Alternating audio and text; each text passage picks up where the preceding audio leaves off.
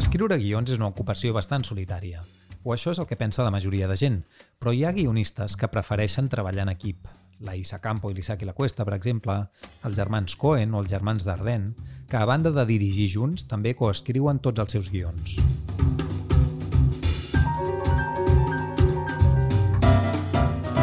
Fet, podríem fer una llarga llista de guionistes que escriuen col·lectivament i trenquen d'aquesta manera el tòpic de l'escriptor solitari, tancat a casa seva amb batí, fumant i bevent whisky sense parar, amb la única companyia de la seva imaginació.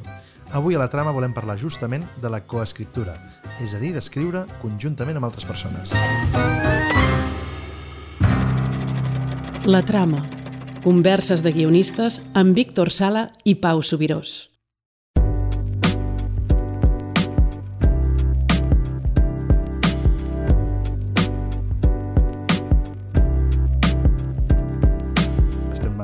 Acompanyats de la Valentina Bisso. Hola, què tal?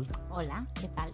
I l'Edu Sola, com estàs? Hola, encantat. Si et sembla bé, faig una mica de presentació de, de qui són ells, faig una mica la, la, les seves bios. Doncs bé, comencem per la Valentina, que és la coguionista habitual de la Marcoll, amb qui ha coescrit doncs, Tres dies amb la família, Tots volem el millor per a ella, la sèrie de Movistar Plus Matar al padre, i ha treballat també amb directores com l'Helena Trapé, amb qui va coescriure Blog, o més recentment amb la Coral Cruz i el David Ilundain, amb qui van coescriure Uno para Todos.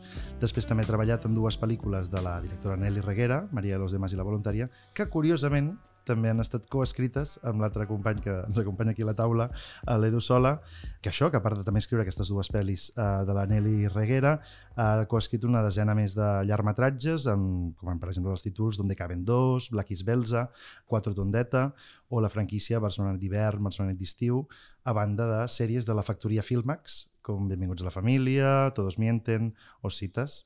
Jo d'entrada us volia fer una mica la, la pregunta per al lloc on anava la, el, la introducció del Pau, no? que és habitual que nosaltres pensem no? la imatge tòpica del guionista com aquesta persona sola, eh, escrivint amb el seu ordinador, amb els seus fantasmes, una mica com gairebé aquests, eh, aquesta cosa més novel·lesca, no? però que en el fons és un treball moltes vegades amb, que es fa amb, amb equip, no? Tenim la sensació que a vegades eh, tenim aquest prejudici de que el guió és molt solitari però que també hi ha molta feina de treball en equip? Sí, justamente cuando Pau estaba haciendo la presentación del podcast, eh, hablando de, la, de esta imagen que se tiene del guionista solitario y, e intentando desmontar esta imagen, pero no, resulta que también, eh, por mucho que coescribas, no dejas de estar ocho horas solo en, solo en casa, ¿no? Lo bueno es que de tanto en tanto, pues cuando coescribes, tienes pues las reuniones uh, a las que acudes muerto de sed, con unas ganas locas de ver a gente de socializar. y de socializar, que lo último que te importa, ¿no? es el guion. Y, y, sí, evidentemente tiene esta, para mí esta buena combinación, porque no es un trabajo que exija una constante interacción con las demás personas, que a mí personalmente me agotaría, uh -huh. pero al mismo tiempo no deja de hacer parte de un engranaje, ¿no? Eh, que te supera y que tú eres una pieza más y tienes que estar en contacto con, no solamente con la persona con la, co con la que coescribes, sino con, bueno, productores, gente que lee, ¿no? Gente que opina, y eso hace que al final sea un trabajo también muy rico a nivel humano, ¿no? Te cruzas con mucha gente. Hi ha com aquests, suposo que hi ha aquests dos tipus com d'escriptura, de, no? Eh, o sigui, també té a veure amb els formats, també mm -hmm. penso, no? O sigui, no és el mateix una sèrie que, un, que una pel·li. Eh, a les pel·lícules les, la coescriptura, o com a mínim la, la meva realitat, és que sí que es treballa molt en conjunt, però sobretot una primera fase, però després les escriptures són més solitàries, mm -hmm. diguéssim. En canvi, a les sèries ha la fase de d'estar tots junts en una sala doncs és més llarga, o acostuma a ser més llarga. I llavors, i de fet, l'escriptura on estàs tu sol és més curta, no? per exigències de, de demandes de plataformes i mandangues. Llavors, com que és una mica inversa. Però en qualsevol cas sí que um, estic molt d'acord amb, la, amb la Valentina. No? Com que la feina té el bo de les dues coses. El bo de que hi ha un que, de que et relaciones amb humans, que això està molt bé, i, i el bo també de que també tens temps per estar tu sol fins i tot d'avorrir-te. En, una, en paral·lel a això hi ha el tema de que la, la figura de l'escriptor, del guionista, sol, que només és guionista, eh? El guionista director ja és un altre, però el guionista que només és guionista, que està sol a casa seva i no es relaciona amb ningú, no sé qui és, però no el conec. O O I amb qui es relaciona? Amb qui es relaciona? Bueno, que, que, no, que sé, exacte. No sé, no, no sé com funciona, però jo no, no, no, o sigui, no, no hi ha gaires casos, no sé si n'hi ha algun, no? Mm. d'algú que estigui ahí sola, que es seva escrivint lo seu eh, i després sigui capaç d'aprendre-ho i de viure d'això. Mm. No sé, ara, que hi hagi gent que ho faci, que pagui les factures amb aquest sistema, no, no em sona. Mm. Sí que és veritat que potser això que um, els, quan mires crèdits i que només hi ha un guionista, a vegades és molt en els casos del director-autor, que un, és una mica el Juan Palomo, no? que s'ho munta tot ell i que sí que mm, si, si coescriu amb algú més almenys no surt als crèdits, no? Però, però hi ha aquest punt de, de, de que és, en general sempre hi ha aquest punt de col·laboració. Sí que passa, eh? O sigui, jo mateix he escrit, una, he escrit diverses pel·lis, jo sol, a casa meva, però la relació amb el director, que no, es pot, no arriba a ser una coescriptura, eh, perquè no s'hi posa a escriure per, bueno, per molts motius, però sí que surts de casa teva, Mm. ¿no? i tot i que no en diem coescriptura, pues esteu treballant els dos per tirar endavant allò. No? Bueno, pero porque mm, la diferencia, o sea, el, el- volvemos a lo anterior, o sea, el guion es una parte de, de algo que no se ha acabado, es, es una etapa, entonces es imposible quedarse en soledad porque todavía, ¿no? Es, es, un, es un trabajo inacabado, ¿no? O sea, eh, no es un libro, eh, que es la diferencia con el escritor. El escritor sí puede estar solo, encerrado, escribe y ¿no? culmina una obra, el guionista, por mucho que le ponga punto y final a un guion, luego va a tener que enfrentarse, ¿no? Entonces siempre va a tener que estar en comunicación con, ¿no? demás. eh, Perquè vosaltres, en la vostra experiència, ara tu estaves parlant de la diferència, per exemple, entre el treball de pel·lícules o el treball en sèries, però jo no sé si es treballa també exactament igual, per exemple, amb tot tipus de pel·lícules. És a dir, amb els diferents eh, directors i directores amb qui vosaltres heu treballat, mm, diguéssim, el patró de treball ha sigut bastant similar amb tots ells o realment canvia molt les dinàmiques de l'escriptura en funció d'amb qui estiguis treballant? Això per mi diria que no hi ha un patró. O sigui, com que he vist de tot, de totes formes, eh, hi ha vegades on m'han passat un guió i jo l'he reescrit a la meva bola i després l'hem passat un altre, o jo l'he acabat, és igual, eh, n'hi ha d'altres que jo l'he començat i no? hi ha d'altres on fas un sistema de, de piloteig, de ping-pong, ja, no sé O si... sea, lo que no hay, al menos yo eso sí que nunca lo he vivido, que es cuando la gente dice escribir a cuatro manos, me Eso imagino que la gente se imagina cuatro manos a la vez delante de teclado. Eso sí que no.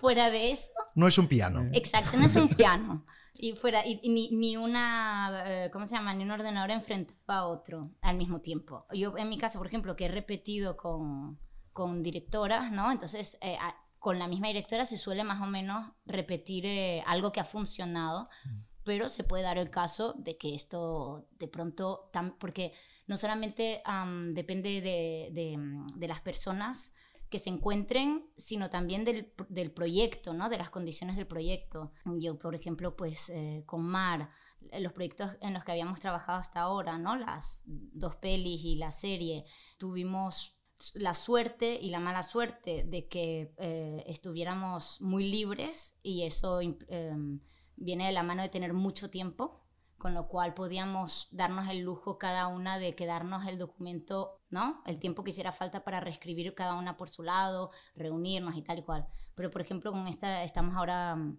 haciendo una adaptación y de pronto ha habido un calendario más apretado y de pronto hemos hecho algo que no habíamos hecho en la vida, que era porque nosotras siempre hacíamos el- la vuelta entera del guion cada una antes de pasárselo a la otra. Y por ejemplo en esta ocasión de pronto eh, yo qué sé cada 30 páginas había que pasarlo para poder agilizar no era algo que nunca habíamos hecho que es un detalle porque creo que no es muy interesante pero bueno por decir y con Nelly si hacemos lo de pasar cada uno entero también Sí. no hacemos esta mm, O sigui, eh, passeu, diguéssim, el guió sencer Hmm. i, eh, perquè amb la pel·li de la Elipse hi havia diversos co-guionistes, no era? Un, que con María y los demás Sí, eran... lo que pasa es que María y los demás, eh, los créditos, digamos, no eh, dan fe exactamente del proceso de trabajo, en el sentido de que todo el mundo sale por igual, pero en realidad todos hicimos partes de etapas diferentes. Entonces, por ejemplo, hay gente que participa en una etapa muy temprana de la película, eh, con decirte que en una etapa tan temprana que María era hombre, ¿no? Mariano, Mariano i jo. Mariano Eh, y las otras. Hombre, és que de fet, jo quan vaig m'hi vaig fixar no, que hi ha cinc persones en els crèdits Sí. d'aquí d'aquesta pel·lícula i, i això realment em portava una mica aquesta pregunta de dir, a veure, hi ha un límit en, en el número de gent que pot co- col·laborar amb un guió de manera eficaç, diguéssim. Sí, no, no, Perquè- lo que pasa es que en, en- otras películas probablemente esta, esta autoría se hubiera formulado de, de- de una manera diferente, o sea, hubiera sido, yo qué sé, ¿no? Guión de eh, argumento no sé qué, o idea no sé cuántos, o tal, lo hubieras clasificado así. En el caso de María y los demás, simplemente se puso a todo el mundo por igual. O el que Però passa molt també amb les sèries, no? que està molt compartimentat a vegades, és a dir, hi ha un equip que es dedica més a vegades a...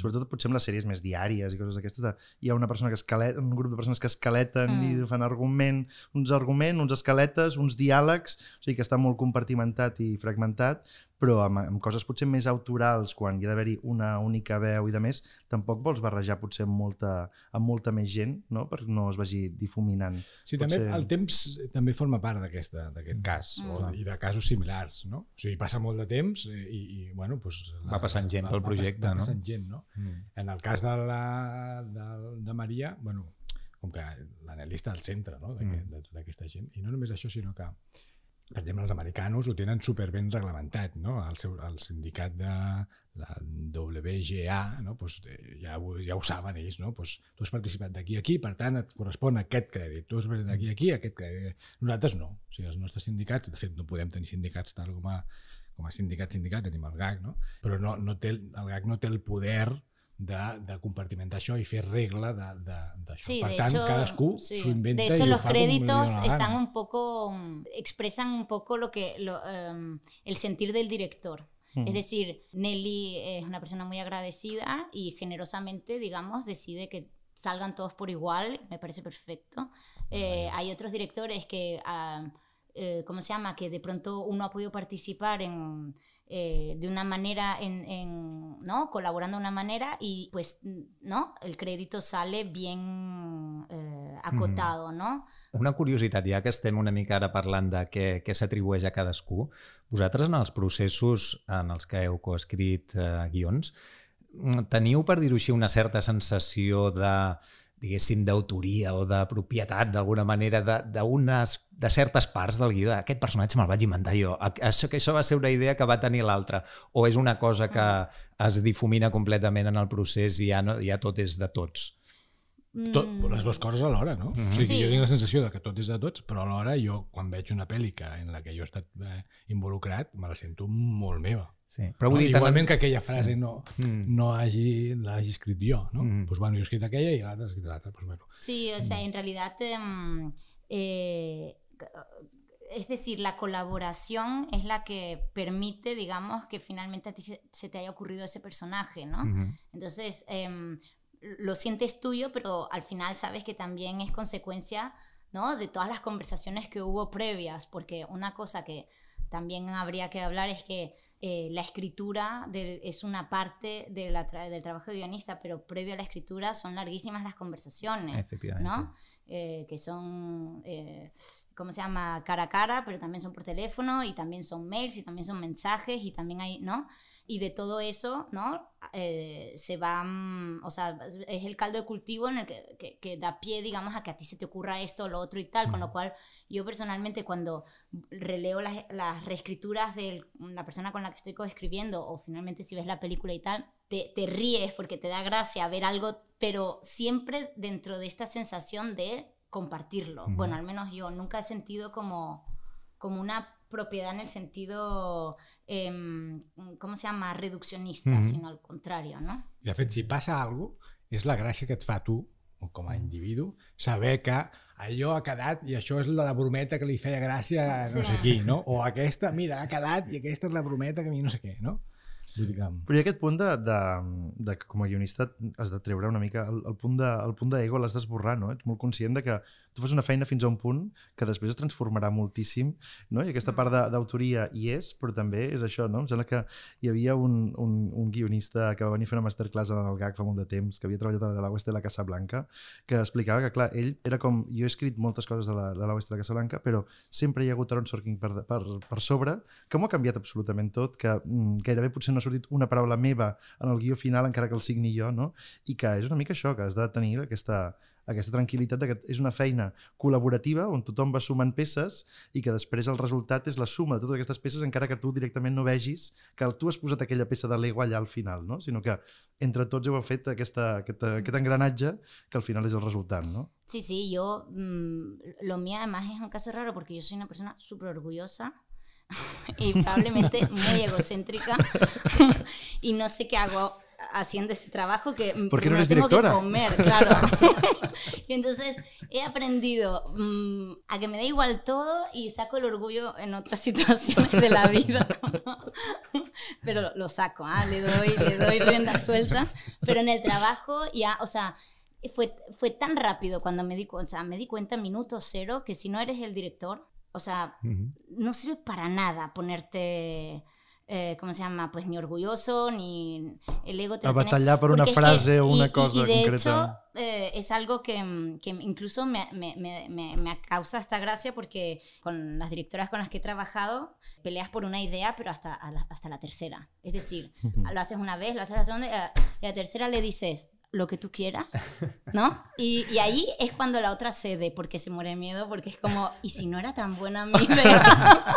Iba a ser que, ¿no? Se nota, és, és guionista, de Sí, verdad, sí. eh? Però m'agrada deixar la negociació Home, és, que, clar, eh? és que a veure, a mi això que estàs dient em porta molt a, a la qüestió de dir amb qui pots entendre't no? realment treballant, perquè eh, jo crec que hi ha gent doncs, amb qui eh, trobes més no? aquest feeling i, i hi ha una sintonia més gran, amb altres potser no, bueno, no sé si vosaltres heu entès per igual amb tota la gent amb qui heu treballat Eh, què, què, què busqueu vosaltres? Quan algú es proposa de coescriure amb ells eh, quins indicatius us fan pensar que allò pot funcionar o que, no, o que pot ser un És una desastre? intuïció. O sigui, jo he estat en equips que no funcionen i es veu molt fàcil, Vale. no? Com que ho veus claríssim Mhm. que jo no està xutant. No? Mhm. I respecte què dic tam, és una cosa com intuïtiva, no? Com, I que també, hòstia, és que és de la persona, és que, clar, li dius que sí a persones amb qui no has treballat mai, Mhm. no? I és com, quin, què, què t'ha donat aquesta persona? I dius, vinga, doncs vaig. També és veritat que, hòstia, doncs que jo m'acabo estimant a la gent. Mhm. O sigui, he treballat amb molta gent. Mhm. Eh, I al final tots acaben a, a, a, en mi lista de contactos de amigos, ¿sabes? No de trabajo, ¿no? Com que es fa, es fa no, com que és, menys la Valentina, que la tinc a solo trabajo, por favor.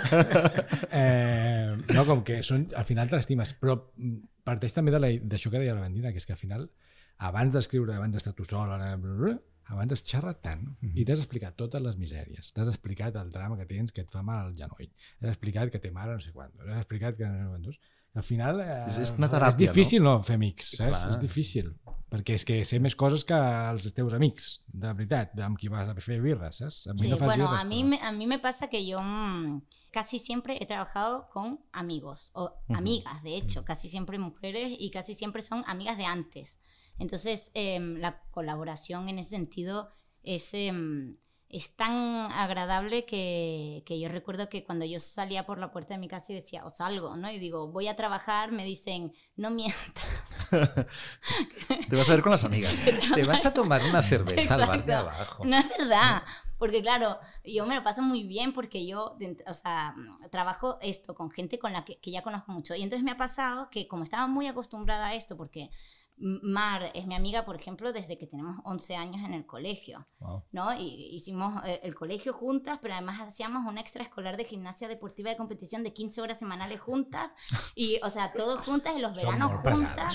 Sí, sí, y seguimos yéndonos juntas de vacaciones ahora en verano, nos vamos juntas también con los hijos, o sea, y, mm, y claro, es como, yo, eh, estoy muy mal acostumbrada, de hecho, por eso, porque yo trabajo con gente con la que ya me llevo muy bien, conozco muy bien, y como que el baúl de los recuerdos, ¿no? Em, de, de donde sacas el material emocional, ¿no? La experiencia vital que te ayuda a componer luego la historia, tus personajes y todo, es compartida, entonces es como bien fácil porque te tienes que ahorrar una conversación larga, porque esa conversación empezó hace 20 Ujú, sí. años, ¿no? Bueno, és que això enllaça completament amb el que dèiem al principi, de perquè hi ha tantes parelles i, Mm. i, i tants germans i, no, i germanes que escriuen junts, perquè hi ha aquesta, aquest background, Esta complicidad, no? I aquesta... ¿no? Y luego a mí sí que me ha pasado entonces que, eh, obviamente, en, a la medida que van pasando los años, que vas conociendo más gente, surgen las oportunidades de trabajo con gente que no conoces y eh, a mí me ha costado mucho ese encaje. Porque venía acostumbrada de otra cosa que era diferente y me ha costado, lo reconozco, que a pesar de, o sea, esta intuición que dice Edu, a mí a veces me ha fallado porque, porque en, en el primer, cuando tú abordas a alguien por primera vez, lo que se pone por delante siempre es las ganas de llevarte bien, ¿no? La educación, las formas, todo, ¿no? Y esto es una especie de máscara, digamos, pero a la hora de la verdad, cuando empiezan a salir, ¿no? Las conversaciones más... Eh, profunda, si quieres, es cuando, cuando empieza a salir la letra pequeña de las diferencias que tenemos todos, que no son, eh, ¿cómo se llama?, inasumibles, obviamente, inclusive podrían ser enriquecedoras y lo son, solo que de pronto sí puede ser que ahí surja un encaje que tú no te esperabas y entonces a veces me ha pasado que he tenido buenas experiencias y a veces he tenido mm, o, malas o digamos que no han terminado de fluir. La trama, un podcast amb poc guió.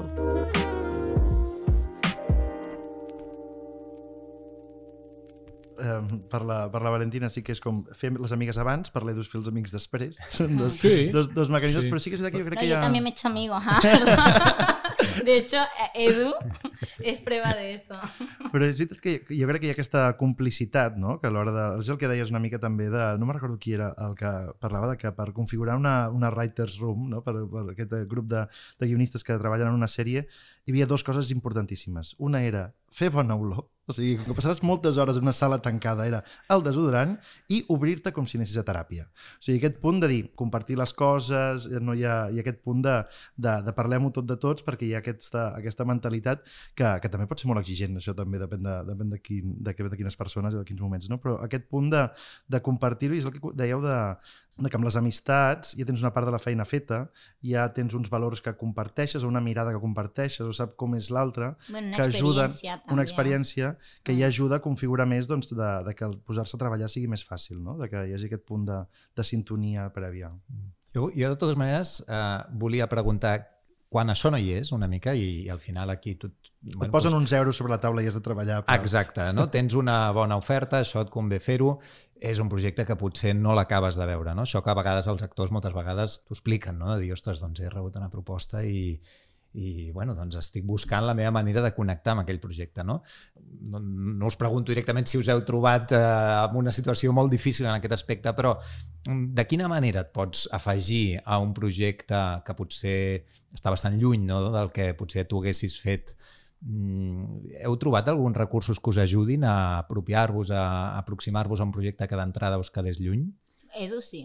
O sigui, sí, o sigui, la meva realitat, i això ja ho vaig explicant, o sigui, que ho tinc molt present, jo per, per, em considero un artesà, no? I com qui és fuster. Doncs jo sé, de, o sé, o sé una mica, de serres i de fustes, i tu em demanes una taula, i jo et faig una taula. Em demanes una cadira, et faig una cadira. No? Mm -hmm. Llavors, des d'aquesta aproximació, eh, no, o sigui, aquest repte ja m'agrada. No? Mhm. O sigui, aquell dia que em demanes un taburet, doncs dic, ep, vinga, va, fotem-li. Saps? O sigui, no, no és un, hòstia, quina putada ara que he de fer no sé què. No, no, doncs vinga, doncs fotem-li, no? I ho he fet, i ho he fet i amb molt de gust, a més a més. Mm -hmm. Perquè també, bueno, jo, jo també per personalitat també, fer sempre el mateix tampoc és, és eh, algo que jo agraeixi. O sigui, de tant en tant, de perfecte, però si ara tu em diguessis, no, firma aquest paper, tindràs feina per tota la vida i aquesta, aquesta sèrie tindrà 20 temporades i podràs fer-la. Doncs no, gràcies, no firmaré aquest paper. No? O sigui, com que prefereixo projectes més, més curts i no? com que... Això. Llavors, com s'aborda això? Doncs des d'aquesta perspectiva és molt més fàcil, perquè a mi m'encanta la meva feina, eh, llavors doncs, vaig anar allà i, i, i serro. No? I serro aquesta, i puc agafar un foix o un roure i doncs per adelante, no? I és trencar aquest estereotip també de, del guionista sempre autor de la seva pròpia veu, no? de, de que aquesta visió més, més indie, no? també aquest punt de dir, no, el que m'agrada són els reptes, el meu ofici és escriure i a mi, Però que- amb cada perdó. etapa que faig, puc aprendre a escriure de manera diferent i això em pot donar recursos també a adaptar cap a altres projectes. Pero no? es que, es que el, el- volvemos a la- al, al inicio cuando decíamos lo del orgullo y el ego, es que este, esta figura del guionista eh, completamente autor y tal, o eres director, o, o Bueno, difícilmente, hi ha la o sea, figura del showrunner en que- les sèries, no? Que, sí, que, pero que es algo muy reciente Sí, aparte. exacto. A lo que voy es que no mm, yo creo que un buen guionista es, o sea, hay como diferentes maneras de ejercer el oficio, ¿no? Está desde mm, el buen guionista que es capaz de asimilar la mirada del, del director o asimilar la mirada de quien le está encargando un guion, ¿no? Y que más bien pasa desapercibido él eso es una figura que puede ser alguien que está ejerciendo de manera excelente su oficio en ese sentido y luego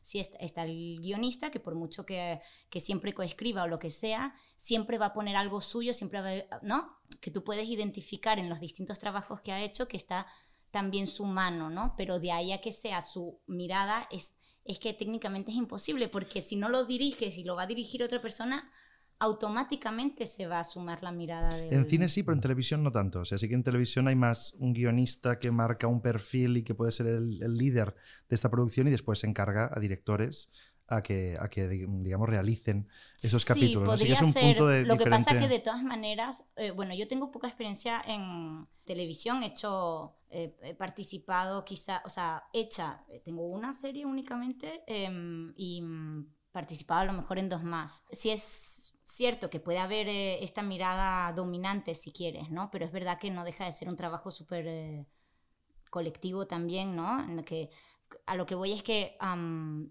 creo que tienes razón, que no es lo mismo que, en el caso del cine, cuando hablamos únicamente de guionistas, creo que en la televisión el guionista tiene una, un lugar eh, superior al del director, si quieres. Pero, um, pero es verdad que yo no sé en España, o sea, sé que en Estados Unidos está la figura del todopoderoso guionista, pero aquí todavía yo diría que... mm, Bueno, está pasando, Sí. está Está pasando. pasando, pero, tampoco... O sea, yo no veo una serie y digo, es Sí. fulano. Bueno, sí que, sí que hi ha casos, a veces és verdad que moltes, moltes vegades és el mateix director. A vegades hi ha també que, que moltes plataformes van a Ah, clar, buscar el estem director. parlant de buscar el No, no, no. nom de, que només sigui Sí, guionista. però Javier Olivares o Héctor Lozano o clar, no dic Leticia Dolera no perquè també dirigeix, però sí que hi ha perfils no, que dius, bueno, hi ha aquest punt de, de- d'això, de, de que és el seu propi segell ells mateixos i, i fan un, un Porque lo que de... suele pasar muchas veces al final es eso, ah, también como, ¿no? Que, que dices, bueno, pues voy a dirigir yo Sí, sí. para tener el control total de, del Ja producto. Jo volia reprendre un, un, un últim tema que ha sortit una mica abans, l'has mencionat tu eh, quan deies, i, bueno, i tu també n'has parlat quan deies de la importància que té totes les converses no?, que tens amb, amb l'altra gent amb qui estàs coescrivint, perquè en la meva experiència, a mi el que més m'agrada de, de coescriure és justament que converteix l'acte de l'escriptura també en un acte de, de, de parla i de conversa, no? I d'aquesta manera, doncs moltes vegades sembla com que les idees eh, flueixen d'una altra manera, arriben d'una altra manera, tenen el ritme i el procés de maduració d'un guió també crec que és diferent perquè eh, tot és molt més àgil, no? Llavors una cosa que potser tu sol trigues uns dies a desenvolupar i uns altres dies a, a veure que és una merda i uns altres dies a tornar a reescriure, doncs tot això en el marc d'un format més de conversa trobo com que s'accelera, no?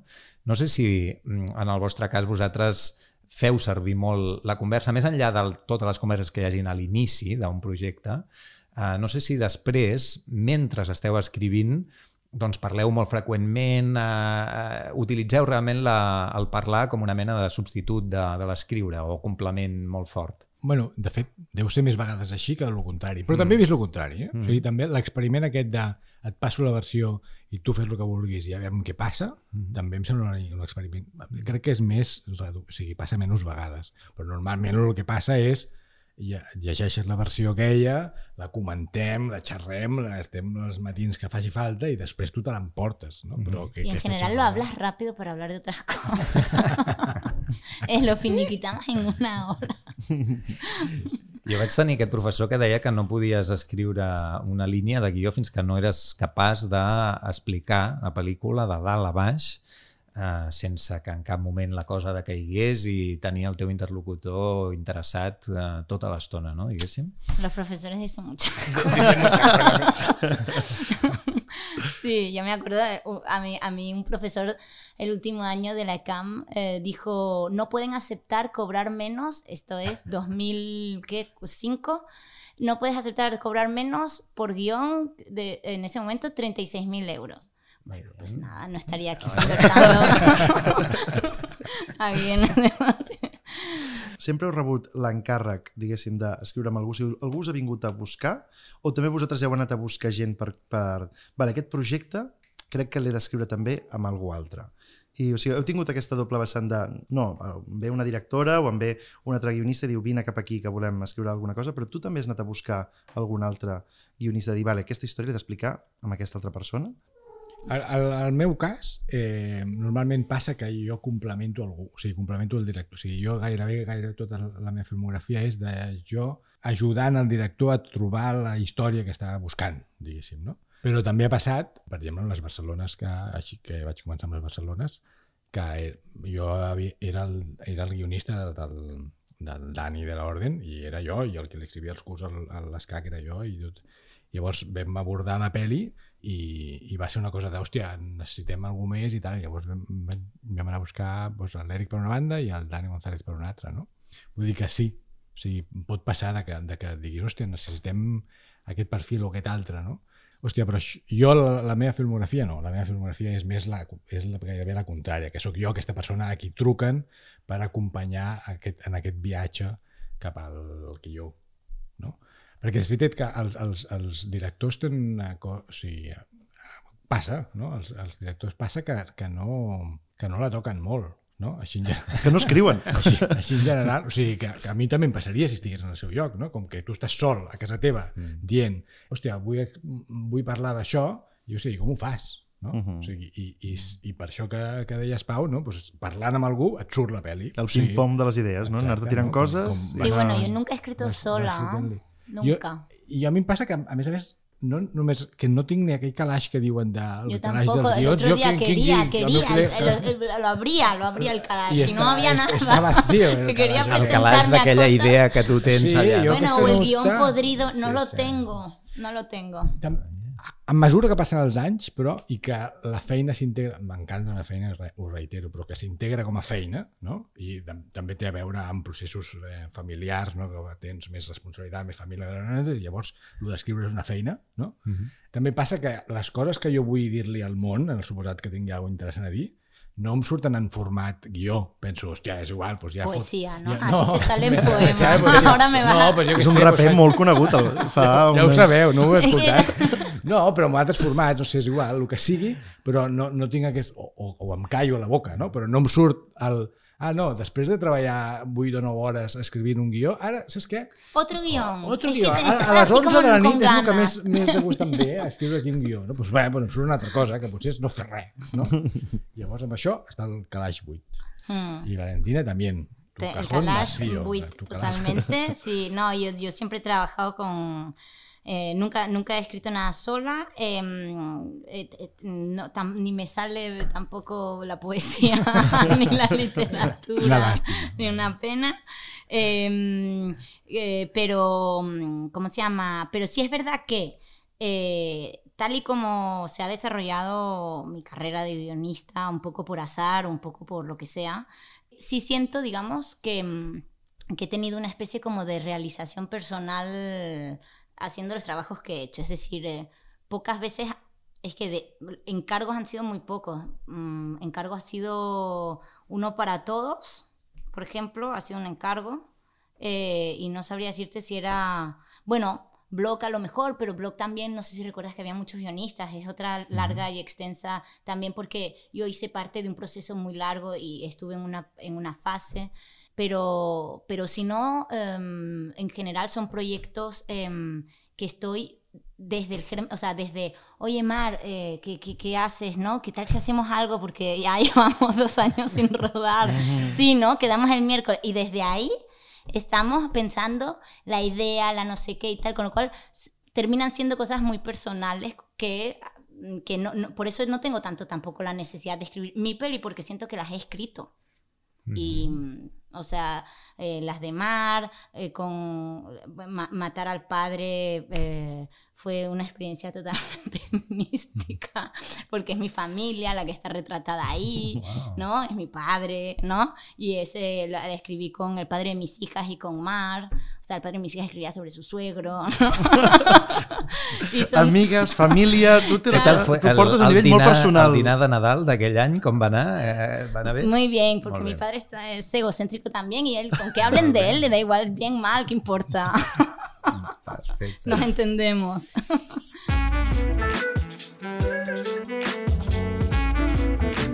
El clímax. Trama o personatges? Personatges. Trama. Per escriure, matí, tarda o nit? Matí. Matí, matí, matí. Música o silenci? Música. Silenci. Sol o en equip? En equipo, equip. ¿no? equip, es sí. lo que me llevamos una hora hablando de esto, ¿no? ¿Qué es esta pregunta? que No no, ha anava d'això, entendido no Víctor. Que no ha entendido Víctor. Me he explicado mal. Es que hay un, en este programa hay un problema de guión, en este programa. Sí, sí. Llega clarament. tarde esta pregunta. A. Total. Uh, mirant referents o aïllats totalment sense mirar res? No, con- copiando lo máximo. Copiant al màxim. Plagiando a tope. Disfruteu més escalatant o dialogant? Dialogant. Escaladant. Ay, pero ¿cómo puede ser? Escriure o reescriure? Reescriure. Escriure. Experimental o narratiu? Pf, Me encantaría ser experimental. la- la- Lamentablemente soy narrativa. Jo narratiu total. Cinema o televisió? Cinema. Cinema. també. I la més delicada, podeu viure d'escriure? Sí. Sí, som sí. privilegiats Yo això. pensaba que la última era desnudo o vestido. Pijama, ¿no? Siempre Pijama, siempre pijama. sí. Eh, logramos vivir de esto, pero es un poco un milagro. Tenéis que ir desnudos ¿no? por la calle porque no, lo lográis suficientemente bien, pero Esto bueno, no- me da el extra. Uh, Valentina, Edu, moltes gràcies per haver-nos acompanyat, Ja per està, haver sigut... Ya, Ja está, està, yo que estaba empezando a coger Era bé, sense dolor, això. Ahora era cuando se ponía interesante. I ara quan Quan entren, el els, desnudo. quan entren els xupitos i parlem de les ullars, ara, no? Ara ens hi posarem, ara ens hi posarem. Molt bé, doncs escolta'm, ens trobem la setmana que ve a totes les plataformes de podcast. Sabeu que cada setmana va sortint un nou capítol de la trama i fins llavors, doncs, bona escriptura. I bona reescriptura.